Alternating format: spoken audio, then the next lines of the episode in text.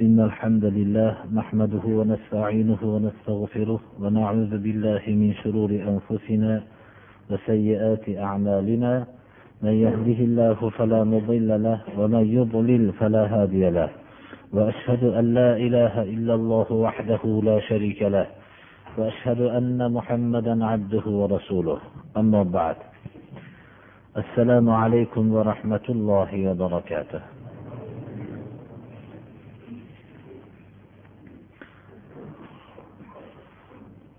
Alloh subhanahu va taolo risolat tarixidagi hamma payg'ambarlarning jo'natilinishidan asosiy bo'lgan maqsad yakka ollohga ibodat qilish. Mana bu yakka ollohga ibodat qilishlikni surai hudning avvalidagina bu kitob hikmatlik va har bir narsadan xabardor bo'lgan zot tarafidan tushganligi va bu kitobning tushishligi yakka ollohni o'zigagina ibodat qilishlikka buyurish maqsadi bo'lganligini va payg'ambarlar ummatlarni robbilaridan istig'for aytishlikka buyurgan. Chunki ibodat hayotning hamma qismini o'z ichiga oladi. Ollohning buyrug'iga muvofiq bo'lgan ibodat hayotning har bir qismini o'z ichiga oladi. Ya'ni ollohga buyrug'iga muvofiq bo'lgan hayot olloh qaytargan narsalardan qaytib yashalgan hayot bu ibodat bilan o'tgan hayotdir. Bu ibodat bilan o'tgan hayot albatta inson xatodan xoli bo'lmaganligi uchun istig'forga ya'ni o'zining xatolaridan ollohga tavba qilmoqlikqa buyuriydi va allohga inobat qilishlikka buyuriydi. Inson bir xatoni qilar ekan u xatodan tushkunlikka tushib shu xatoda davom etishligi mumkin. Lekin islom insonga boshqa bir narsani o'rgatadi. Gunohga tavba qilishlik unga tushkunlikka yoyinki gunohni qaytib qaytib qilib tavba qilaverishlikni o'rgatmaydi. Balki robbiylarga istig'for aytinglar va ollohga inobat qilinglar. Ollohga inobat qilib olloh gunohimni kechadi degan ruh insonda paydo bo'lib qolsa inson xatodan tushkunlikka uchramasdan o'zini to'g'rilab olishligiga sabab bo'ladi.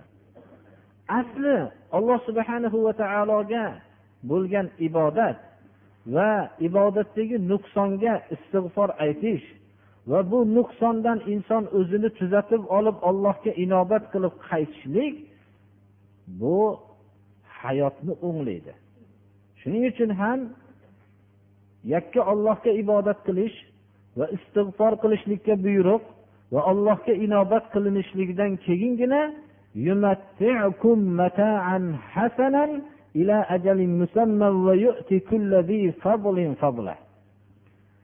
mana bu hammamizni ham diqqatimizni shu yerga qaratmoqligimiz kerak. Demak shunday pokiza uchta sifat bilan bo'lgan hayotning samarasi hali oxiratga bormasdan turib dunyoni o'zida ko'rina boshlaydi. Alloh subhana va taolo shu uchta amalni qilib ollohni buyrug'iga bo'ysunganlarga sizlarni go'zal bir hayot bilan foydalanishlik bilan olloh sizlarni foydalantiradi muayyan muhlatgacha ya'ni hayot insonning umri tamom bo'lguncha pokiza bir hayotidan foydalanishlikni alloh subhanahu va taolo nasib qiladi. Shuning uchun ham rasululloh sollallohu alayhi vasallam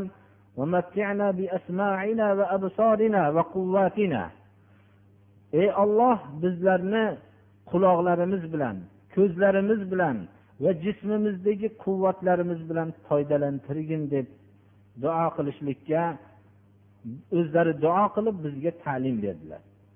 Insonning hayotdagi eng foydali hayoti o'ziga olloh subhanahu va taolo tarafidan berilgan ne'matlar ko'z quloq va bu quvvatlar bilan foydalanib yashashlik bu hayotni samarali o'tkazishlikdir.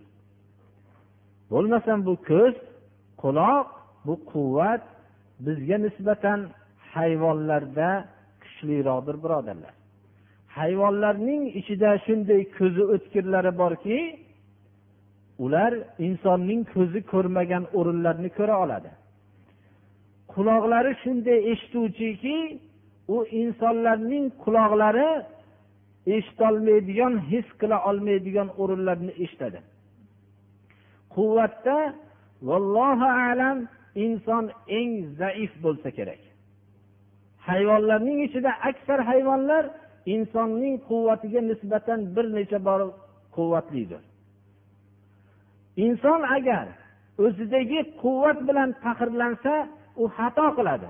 Chunki undan ko'ra kattaroq quvvat eshakda ham bor. Inson o'zining qulog'i bilan ko'z va o'zining a'zolari bilan faxrlansa eng razil deb e'tibor qilgan odamlar o'ziga zarar kunanda deb e'tibor qilgan hayvonlarda ham bu quloq va eshitish a'zolari insonnikidan ko'ra o'tkirroqdir.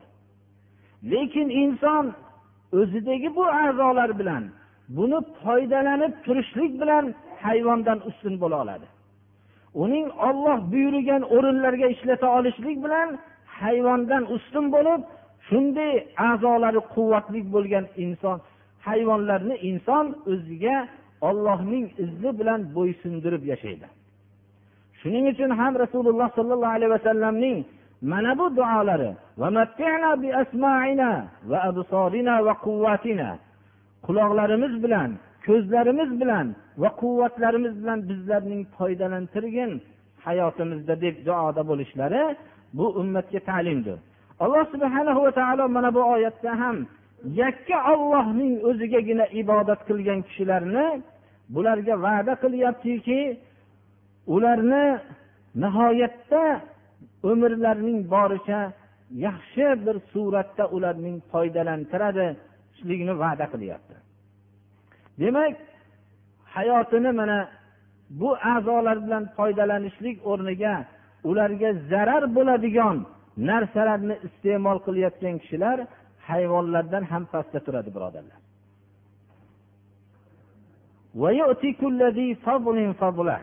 Har bir fazilatli kishiga o'zining fazilatini bag'ishlaydi.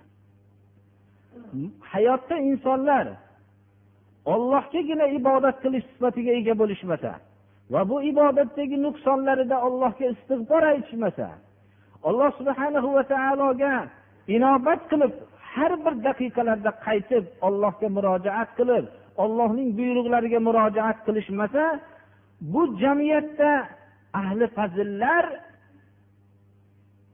ahli fazillarning fazli ma'lum bo'lmaydi birodarlar. Chunki alloh subhana va taolo mana bu va'dasida har bir fazilat egasiga o'zining fazilatini bag'ishlaydi. Shunday hayotda insonlar borki mana shu yakka ollohga ibodat qilishlik sifati yo'q bo'lganligidan ajoyib qobiliyatlarini zoye qilib yashashadi. Ular bema'ni hech qanday ma'nosiz yo'llarga sarf qilinadi.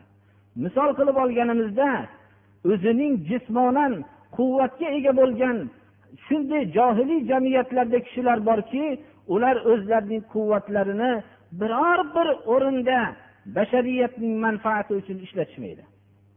Shunday bir ilm egalari zakovat aql egalari borki ular birortasi bu fikrlarini bashariyatning manfaatiga ishlatmasdan hayoti tamom bo'ladi. Bularning hammasini siri shuki alloh subhana va taolo ahli fazilga uning fazilatini berib buni bildirishligi faqat yakka ollohga ibodat qilgan kishilargagina nasib bo'ladi. Ajoyib zakovat egalari bor ajoyib ilm egalari borki bular hammasi ma'nosiz yo'lda balki bashariyatning ustida vabo buluti bo'lib turadigan narsalarning ixtiro qilishlikka sarf qilib umrlarini zoya qilishgan. Alloh subhana va taoloning mana bu va'dasi haqki qaysi bashariyat qaysi bir jamoa o'zining yakka ollohiga ibodat qilishlik sifati bo'lmagan jamoa zoyi bo'lgan jamoasi ajoyib qobiliyatli kishilar mana hozirgi vaqtda o'zining zarari bilan mashhur bo'lib turibdi birodarlar. Shuning uchun islom tarixiga qarar ekanmiz. Abu bakr roziyallohu anhu mashhur kishi emas edilar. U kishi ozgina bir savdo bilan mashg'ul bo'lgan edilar. Shu bilan quraysh jamoasining ichida savdo bilan mashhur bo'lgan kishi edilar. Bu kishi rasululloh sollallohu alayhi vasallam olib kelgan islom yo'lini qabul qilib shu yo'lning xizmatkori bo'lishlari bilan bashariyat tarixida o'zlarining qobiliyatlari bilan alloh subhana va taolo bu qobiliyatni ko'rsatdida butun dunyoda oltin harflar bilan qoldiki bu kishini har bir musulmon kishi har bir kuni eslaydi. Va u kishining hayotida o'tkazgan amallarini o'ziga bir namuna qilib oladi. Bu kishi qanday islom xilofatini boshqarganligi tarixda bu kishidan namuna bo'lib qoladi. Umar ibn hattob ham shunday edilar. Johiliyat davrida hech qanday mashhur bo'lmagan kishi yakka ollohga ibodat qilish sifatini olishlik bilan umarul odil deb butun tarixda xilofati islomiyani qanday boshqarishlikda butun qiyomatgacha bo'lgan musulmon peshvolarga namuna bo'lib qoldilar. Harbiy sohani olib ko'raylik. Holid ibn valid hech qanday quraysh jamoasidan tashqariga nomi chiqmagan kishi islomni qabul qilishligi bilan rasululloh sollallohu alayhi vasallamning yo'llarini qabul qilib yakka ollohning o'ziga ibodat qilishlikni o'ziga lozim tutgan kundan boshlab butun qiyomatgacha bo'lgan dovyurakman deb o'zining islom yo'lini boshqarishlikdagi harbiy sohadagi kishilarning doim namunasi bo'lib qoldi. Hammalarini ko'ring. Hech qanday bir jamiyatda o'rinlari bo'lmagan kishilarga alloh subhanahu va taoloning mana bu oyati bir mo'jizaki har bir fazilat kishisiga olloh fazilatini beradi. Bo'lmasam u fazilat axlatlar ichida qolib ketaveradi birodarlar.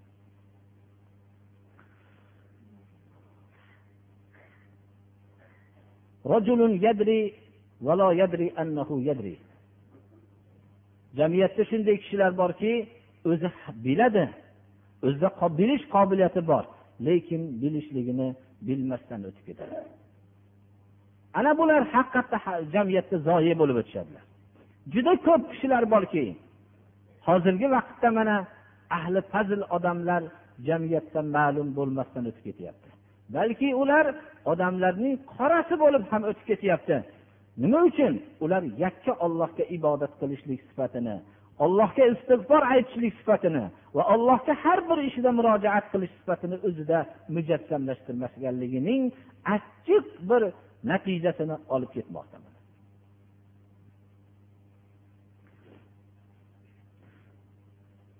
men o'tgan darsimizda ba'zi o'rinlarga ishora qilib o'tmoqchi bo'lib avvalgi darsimizga qaytgan bo'ldik. استعيذ بالله. ألا إنهم يسنون صدورهم ليستخفوا منه. ألا حين يستغشون ثيابهم يعلم ما يسرون وما يعلنون. إنه عليم بذات الصدور. الله سبحانه وتعالى رسول الله صلى الله عليه وسلم جاء مكة makka mushriklarining bu kishidan qur'oni karimni وقت vaqtlarida o'zlarining ko'kraklarini burishib ya'ni qalblarida olloh bor degan e'tiqodda bo'lib turgan bu mushriklar takror aytamiz mushriklar ollohni yo'q deyishmasdi ollohni bor deyishardi koinoti yerni olloh yaratgan deyishardi lekin ular yakka ollohga ibodat qilishmasdi balki bu ibodatlarda boshqa narsalarni sharik qilishardi. Inson ollohning kalomini eshitgan vaqtida ollohning kalomining ta'siridan qochib qutulolmasdan o'zining besonaqay holatga ola boshlaydi. Haq so'zni eshitgan o'g'ri haq so'zni eshitgan kazzob haq so'zni eshitayotgan muttaham haq so'zni eshitayotgan zolim o'zi buning haqligini inkor qilolmaydi inkor qilolmaydida o'zining bezovtalana boshlaydi. Qur'oni karim mana bu bezovtalanish holatini ifoda qilib ollohdan o'zlarini bekitishlik uchun ko'kraklarini yelkalarini u yoq bu yoqqa burishadi. Eshitayotganda u tomonga qarashga bu tomonga qarashga o'zini bezovta holatga ola boshlashadi. Bu bilan haqning qalbiga ta'sir qilib qolmasligiga harakat qiladi. Chunki haq ta'sir qilishligi bilan u kazzobligidan to'xtashligi kerak u muttahamligidan to'xtash kerak u o'g'riligidan to'xtash kerak u butun poraxo'rligidan to'xtash kerak u hamma gunohidan to'xtashlikka majbur qiladigan haq so'zni eshita olmasdan bezovtalana boshlaydi. Mana bu narsada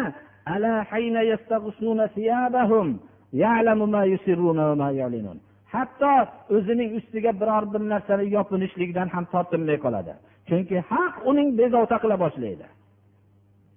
Undan tashqari yana bu oyat shu ham bo'lishi mumkinki inson o'zi boshini yostiqqa qo'yib turib ustiga yopinchig'ini yopinishligi bilan hamma narsadan qorong'i bekindim endi.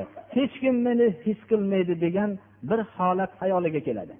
Mana bu vaqtda alloh subhana va taolo o'zlarining siyob liboslarini ustiga yopinishib o'ragan vaqtlarda olloh ularning bekitgan va oshkor qilgan narsalarini biladi. Inson ustiga bir yopinchiq yopingan vaqtda xususan bir rohatlanib qolishlik holati bilan bo'lganda ollohning shu holatini ko'rib turishligini his qilishligi uning kechqurunda gunohlardan tiyilishligiga sabab bo'ladi.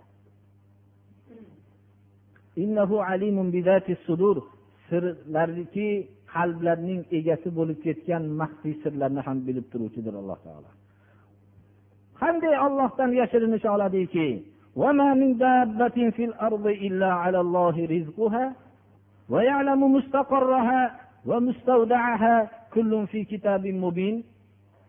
Yerda har qanday sudralib yuruvchi hayvonlar dobba to'rt oyoqlik bo'lsin ikki oyoqlik bo'lsin sudralib yuruvchi bo'lsin. Bu har bir yerning ostidagi hasharotlar bo'lsin. Qaysi bir dobbaki sudralib yuruvchi narsalar hammasi buning rizqi alloh subhanahu va taologadir.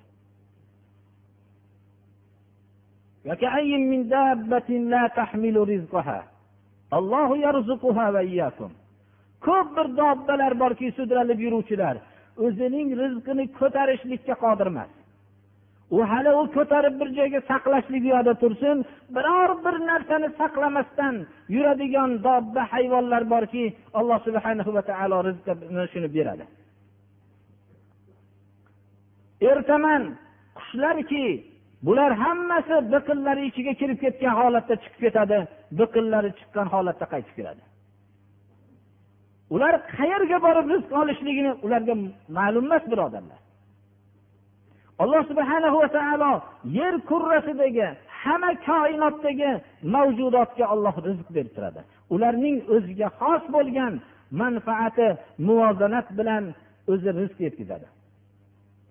Agar bu muvozanatning bittasiga putur yetadigan bo'lsa odamlarning ixtiro qilgan jihozlari dovdirab qoladi.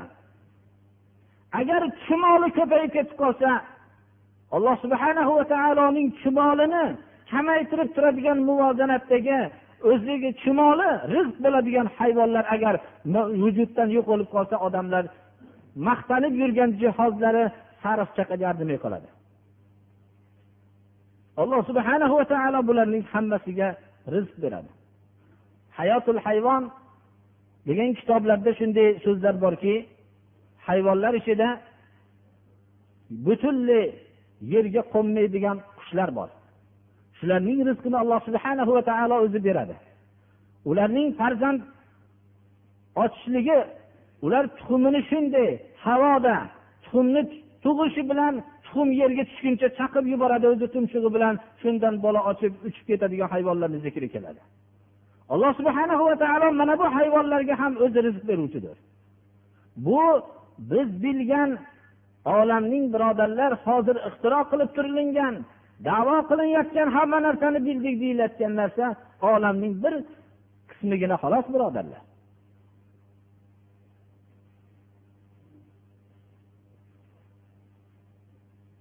Biz suratu suratul aloda hayvonlarga taalluqli bo'lgan zikrlarni shu yerda bir qisman bayon qilib ketganmiz. Mana bu joydagi bu surada alloh subhanahu va taoloning qanchalik olamni muvozanat bilan yaratgan qudratlariga dalolat qiluvchi ba'zi bir narsalarni bir aytib ketilingan. Alloh subhanahu va taologa rizqidir. Uning qarorgohini biluvchidir. Va mustavdaaha qayerga bu mustavda ya'ni bunda mustaqor tug'ilib yashayotgan joyi mustavda bo'lsa qaysi bachadonning qayerga o'rnovchi o'rnashligini hammasini biladi alloh subhana va taolo. Butun mavjudot hammasi alloh subhanahu va taoloning qudrati bilan vujudga keladi. U butun hayvonlarning bachadonlarida vujudga kelgan urug' tushishligi bilan bo'lgan vujudga kela rivojlanayotgan holatdagi son sanoqsiz ollohning o'ziga ma'lum bo'lgan hujayralar ishga tushadi. Agar bu hujayralarning bittasiga bittasi bajarayotgan ishni yer kurrasidagi hamma ilmni davo qilayotgan ollohni inkor qilish darajasiga chiqib zalolat yo'lida bo'lgan hamma olimlarning o'ziga bitta hujayra eshakning qornida vujudga eshak vujudga kelayotgan vaqtida bitta hujayraning quloq eshakning qulog'i bo'layotgan hujayraning harakatini ishini butun olimlarga topshirilsa bajarolmaydi birodarlar. Shunchalik bu murakkab suratda vujudga keladi. Hamma olimlar shu eshakning qornida vujudga kelayotgan eshak xo'tikning shu xo'tikni vujudga kelayotgan xo'tikning qulog'i bo'lib bajarayotgan quloq vazifasini bajarayotgan hujayraning ishi topshirilsa bajarolmaydi birodarlar.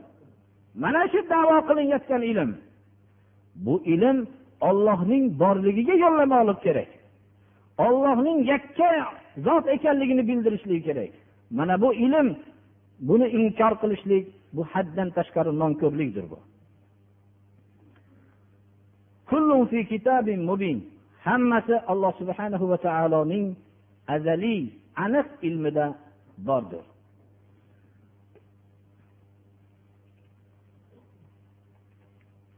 وهو الذي خلق السماوات والأرض في ستة أيام olloh har bir narsani bilib turishligiga koinoti yerni olti kunda yaratdi shu o'zi koinoti yer haqida o'ylashlik o'zi kifoya qiladi biz aytib o'tganmizki bu olti kun haqida ba'zi bir suralarning tafsirlarda qisqacha qilib aytib o'tganmiz olti kunni biz bilmaymiz. Bu kun biz bilgan kun faqat haftaning kunlari birodarlar. Yerning kuni bor oyning o'ziga xos bir kuni bor sayyoralarning o'ziga xos kuni bor. Shunday sayyoralar borki ularning bir kuniga yerning bir necha yillari to'g'ri keladi. Bu kun qaysi kun? Min ayyamillah.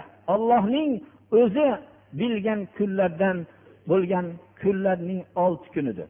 Lekin biz bu olti kunni nima uchun olti kunda yaratdi degan narsani bahs qilishlikka bizni haqqimiz yo'q. Chunki bizning yer yuzidagi alloh subhana va taolo bizning xalifa qilib yaratgan bizning xalifalik vazifamizni o'tashlikka buni bilishlikning hech qanday manfaati yo'q. Alloh subhana va taolo bizga ilm berdi shunday ilm berdiki bizning nima uchun maqsad bilan yaratdi? Shu yaratgan maqsadga muvofiq bizga ilm berdi. Chunki ba'zi ilmlarning bu vazifani o'tashlik uchun ba'zi ilmlarni bilmaslik manfaatlidir.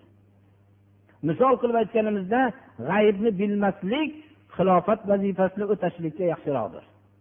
Chunki g'aybni bilishlik biror bir kishi o'zining bir haftadan keyin mabodo o'lishligini biladigan bo'lsa u shu soatdan boshlab birovning manfaati uchun ish qilishlikni to'xtatadida o'zini yig'idan boshqa holatga o'tmaydi. Islom bunday uchun yaratgani yo'q.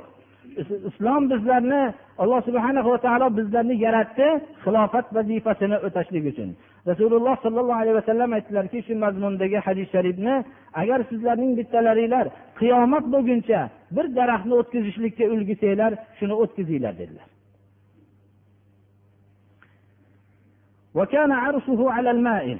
Ollohning arshi suv ustidadir. Bu alloh subhanahu va taolo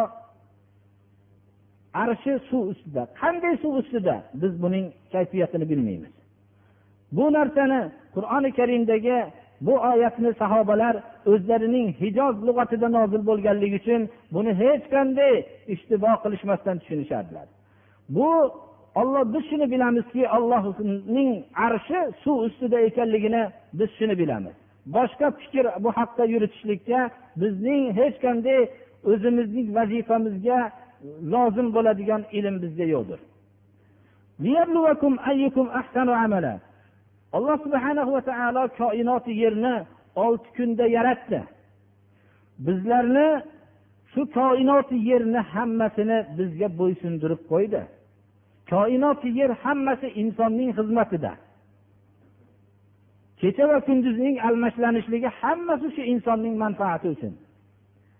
Inson buncha narsaning bo'ysundirilishligi bilan ma'nosiz o'z öz o'zidan bir maqsadsiz yaratilgani yo'q. alloh subhana va taolo insonlarni yaratdi ya'ni alloh taolo aytyaptiki sizlarni qaysinglar yaxshi amal qilishliginglarni imtihon qilishlik uchun yaratdi ولئن قلت إنكم مبعوثون من بعد الموت ليقولن الذين كفروا إن هذا إلا سحر مبين agar siz aytsangiz ey muhammad alayhissalom deydi alloh taolo sizlar o'lgandan keyin tirilasizlar Deb aytsangiz kofirlar bu narsa ochiq sehrdan boshqa narsa emas deyishadi. Kofirlar o'lgandan keyingi tirilishlikni qiziq narsa sanashdi. Xuddi hozirgi vaqtdagi dinsiz murtadlar shunday sanagandek odamlar o'zlarining nimadan vujudga kelganligini esdan chiqarishdi. Agar inson o'zining vujudga kelishlik avvalini bilsa o'lgandan keyingi tirilishlikni juda oddiy qabul qilgan bo'ladi qur'oni karimda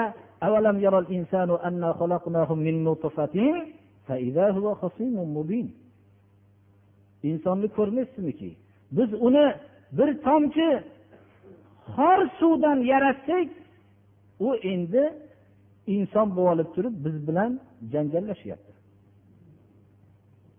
qanaqa qilib bu koinot yerni olloh yaratibdi ekan bu o'z öz o'zidan bo'lgan buni tabiat yaratgan deyapti. Agar bir inson bir go'dak bolani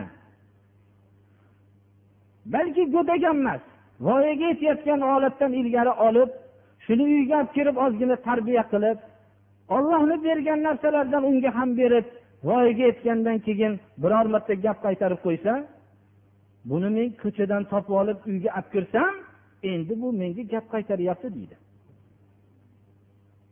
Bu najas yo'lidan chiqqan bu bir tomchi xor bu suvdan vujudga kelgan bu inson endi inson bo'lib yaratilgandan keyin endi rabbi bilan janjallashishlikka turdi.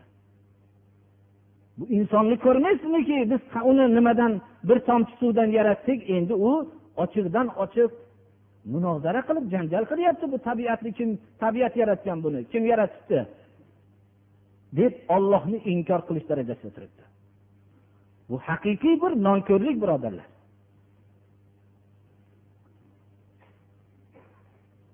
Bu ochiq sehr deyishyapti.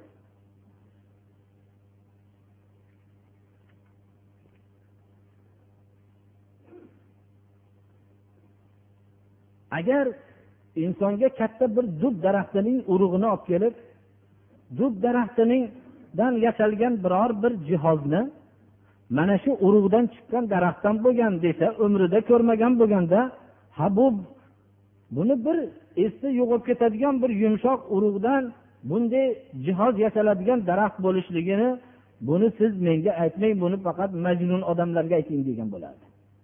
Lekin shu urug'dan alloh subhana va taolo katta bir dub daraxtini yaratdiki u bir qaysi bir chuqurga tushib ketgan bo'lsa shu yerdan mana shu daraxt unib chiqib shunday narsa vujudga kelyapti. Va shu urug'ning ichida katta bir dub daraxtining kelajakda bir necha o'n yillardan keyin yasaladigan bargining chiziqlari ham shunga joylashgandir birodarlar. Unga qaraganda bu inson o'zi chirib bir hovuch tuproq bo'lgandan keyin buning ichida bu inson bor edi buni ichida. Buni qaytib inson bo'lishligidan ko'ra mantiqqa yaqinroq bir beda so'z bo'lishligi mumkin emas. Eng aqlga to'g'ri keladigan narsa qaysi desa shu deb aytilsa xato qilinmagan bo'ladi.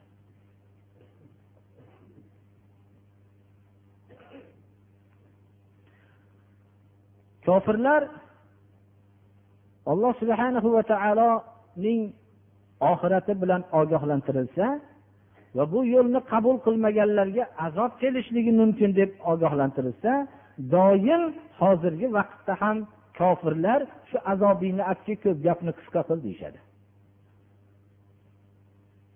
alloh subhanahu va taolo mana bunday kofirlarga xitob qilib ولئن أخرنا عنهم العذاب إلى أمة معدودة ليقولون ما يحبسه agar ulardan azobni bir sanoqli yillarga tahir qilib qo'ysak ular buni nima to'sibdi endi bu azobni kelavermaydimi tezda? deyishadi.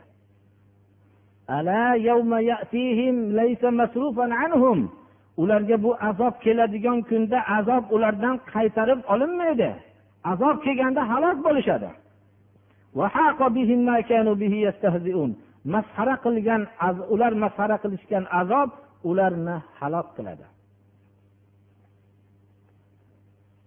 Alloh subhana va taoloning o'zini hikmati azobni payg'ambarlarning xohlagan vaqtida bermaydi. O'zining sunnatiga muvofiq bo'lgan vaqt kelganda beradi. Alloh subhana va taolo bandalarning shoshilishligi bilan shoshilmaydi. Alloh subhana va taoloning azobni tahir qilishligida ko'p hikmatlar bor. Bu hikmatlarning ba'zisi ana shu azobingni olib ketayotganlarning islomning kuchli bir xizmatkorlariga aylanib qolishligi. Yoyinki u azobda o'lib ketadiganlardan zurriyotlar vujudga keladiki u zurriyotlar islomning eng qahramonlariga aylanadi. Haqiqatda ham shunday bo'ldi. Abu jahlning o'g'li ikrima roziyallohu anhu bu kishi islomning eng ko'p xizmat qilgan sahobalardan hisoblanadi. Abu jahl bo'lsa bu olloh malun qilgan badbaxtlardan bo'lsa o'g'li bo'lsa islomning ulug' sahobalaridandir. Alloh subhana va taolo mana umar ibn hattob islomga avvalgi umrlarida qarshi bo'ldilar lekin islomning eng ulug' kishilariga aylandilar. Holid ibn valid islomda ko'p sahobalarni zarar yetkazgan kishi bo'lib turib islomda o'chmas iz qo'yib ketdilar. Islom tarixida eng ulug' sahobalarga aylandilar. Alloh subhana va taoloning azobning tahir qilishlikda ko'p hikmatlari bor birodarlar. Mana o'zimizning kichkina bir tariximizda ham hammamiz ko'ramizki eng qattiq islomga dushman bo'lib turgan odamlar ular islomga kirib o'zining o'tgan umriga qattiq bir attang nadomatlar bilan qanday qilsam shu o'tgan xatolarimni yuvaman deydigan kishilarga aylanib ketyapti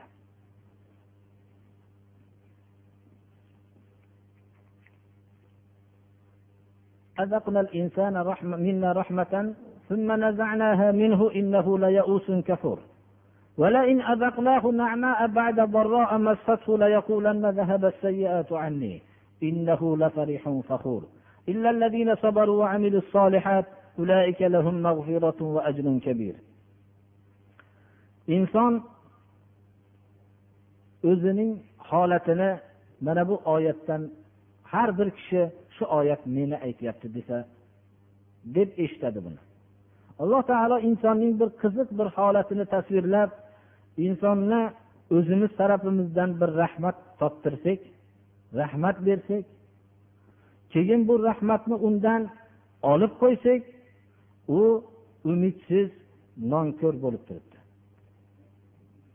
Inson bir yaxshiliklarni ko'rdim yaxshiliklar menga bo'ldi degan so'zni hech aytmaydi.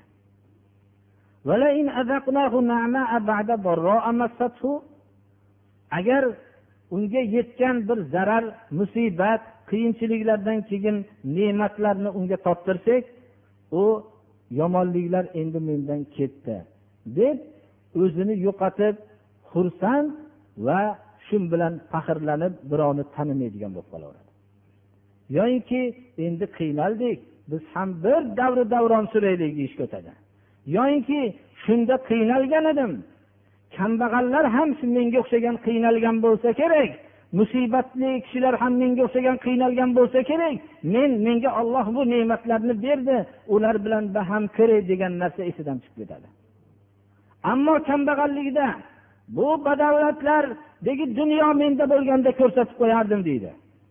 U boshiga musibat tushganda bu odamlar nonko'r musibat tushgan odamdan xabar olmaydi deydi. O'ziga ham ne'mat kelganda darrov esdan chiqaradida biz u boshqa kambag'allaru musibatlanganlarni esdan chiqarib ketaveradi.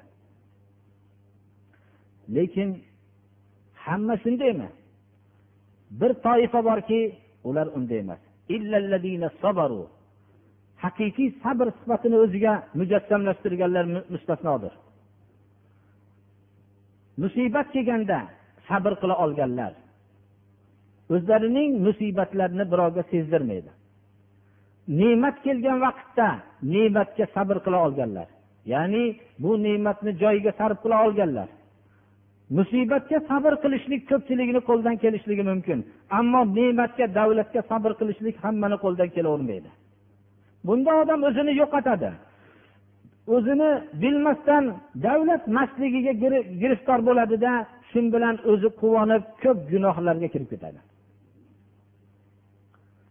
Ba'zi bir kishilar birodarlar uzoq vaqt kasallanib yotadi. Ko'p musibatlarni ko'radi. Shunda alloh subhana va taolo dardiga shifo beradi. Uning kambag'alligiga davlat beradi. Shu vaqtda dunyo kelganligiga sabr qilolmasdan hamma o'zining o'tkazadigan munosabatlarni mast qiluvchi ichimliklaru bir butun ma'siyatlar bilan shuni o'tkazadi. Ana bu ne'matga sabr qila olmaydi. U yotgan vaqtida salomat yurishlik o'zi bir katta narsa deb biladi. Lekin u o'ziga dunyo kelgan vaqtda sabr qila olmaydi. Sabr qilib solih amallarni qilgan odamlargina mustasnodir. Bular alloh subhana va taolo tarafidan musibatlarga sabr qilganliklariga gunohlarning mag'firati va ular solih amallarning qilganligiga ajrun kabir katta ajrlar bilan mukofotlanishadi. Subhanahu va taolo musibatlarga ham qiyinchiliklarga ham ne'matlarga ham sabr qiladigan kishilardan qilsin va solih amallarni qiladigan kishilardan qilsin. Kishi bir savol qildilar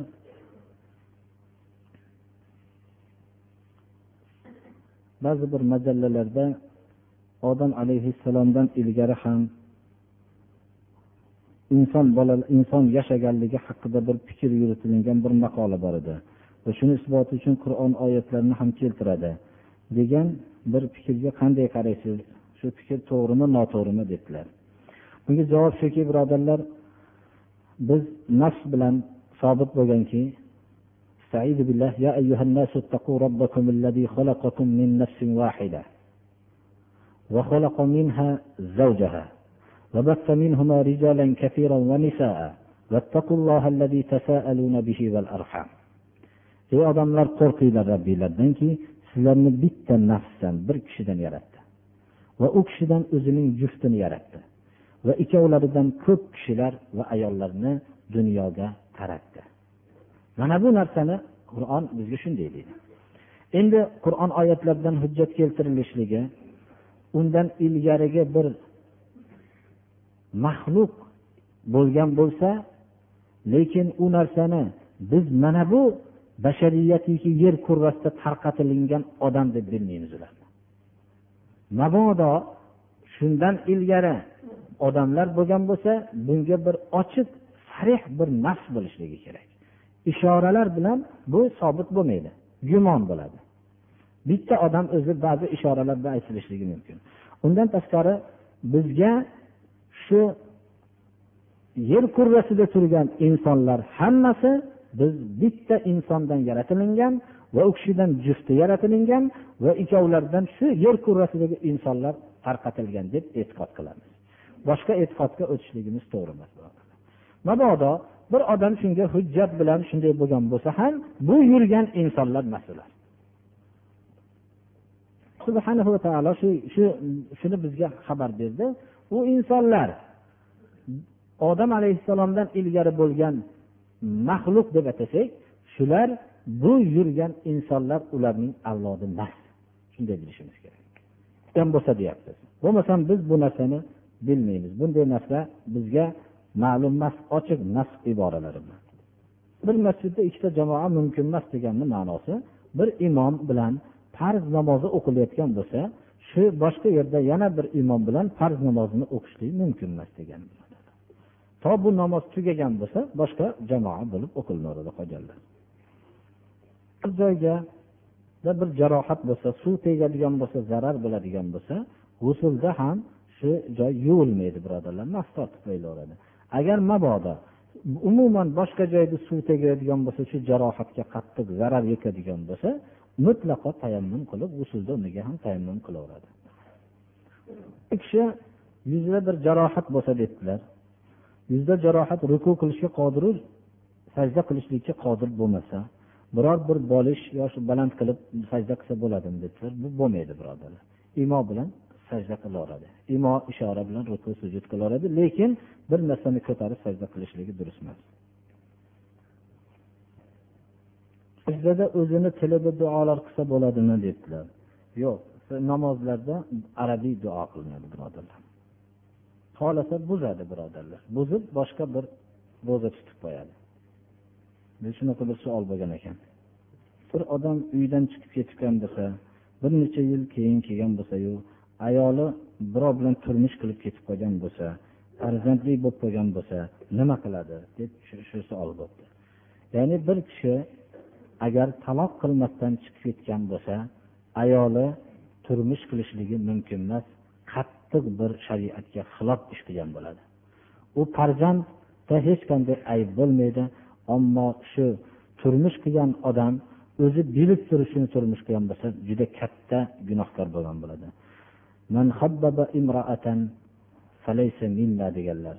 Bir odamni ayolini bir kishi aldab olgan bo'lsa bizdan emas deganlar payg'ambarimiz sallallohu alayhi vasallam.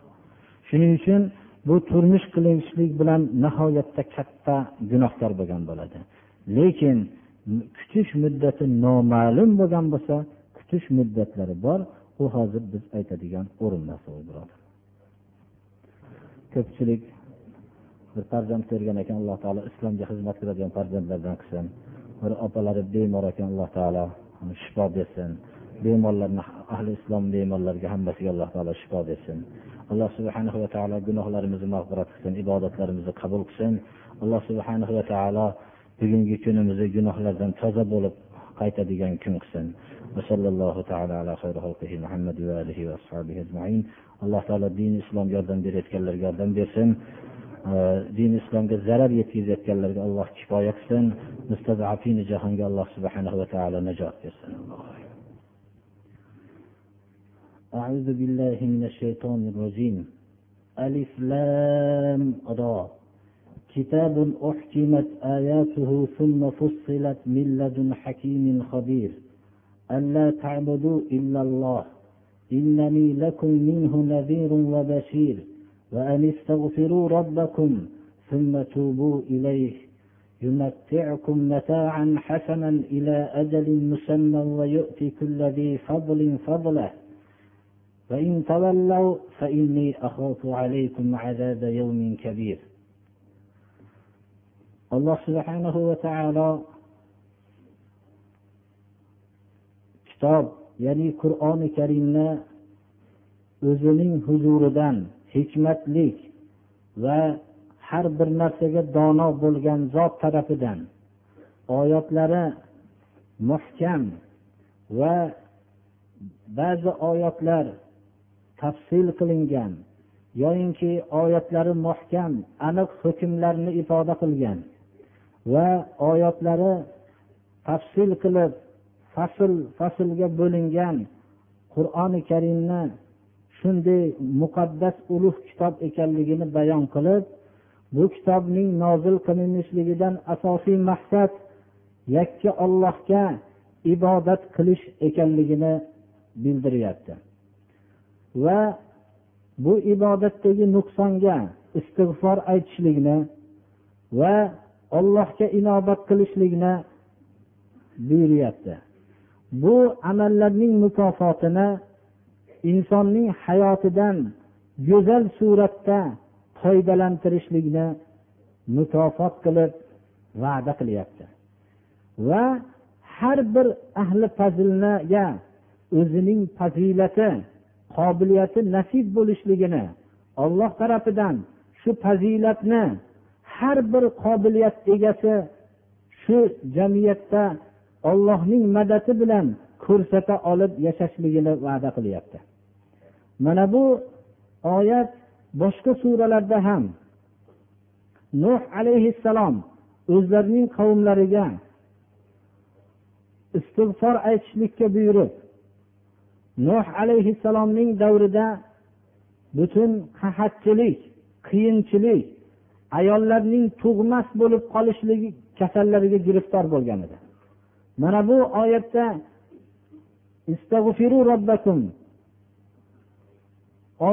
nuh alayhissalom robbiylarga istig'for aytinglar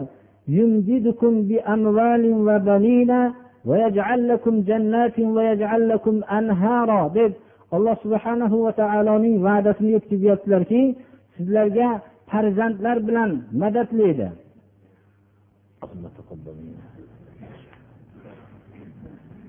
اللهم استرنا بسترك الجميل يا مقلب القلوب ثبت قلوبنا على دينك يا مصرف اللهم اهدنا إلى ما فيه الصلاح والخير اللهم إنا نعوذ بك من الكفر والفقر والجبن والكسل من فتنة النقيل ومن فتنة الممات ومن فتنة الزوجات وإلى أنت بنا